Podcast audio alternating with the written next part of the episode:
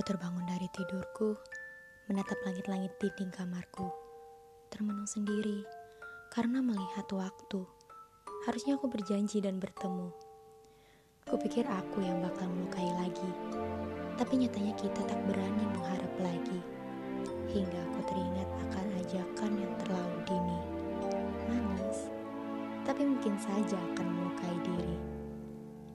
Tersenyum aku melihat notifikasi karena kamu pun tak bisa datang malam ini.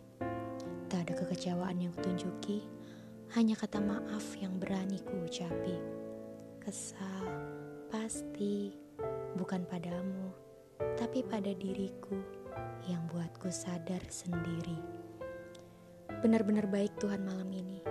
Aku tak diizinkan kecewa padamu. Akhirnya aku tersenyum sendiri jauh tapi aku ingat selalu.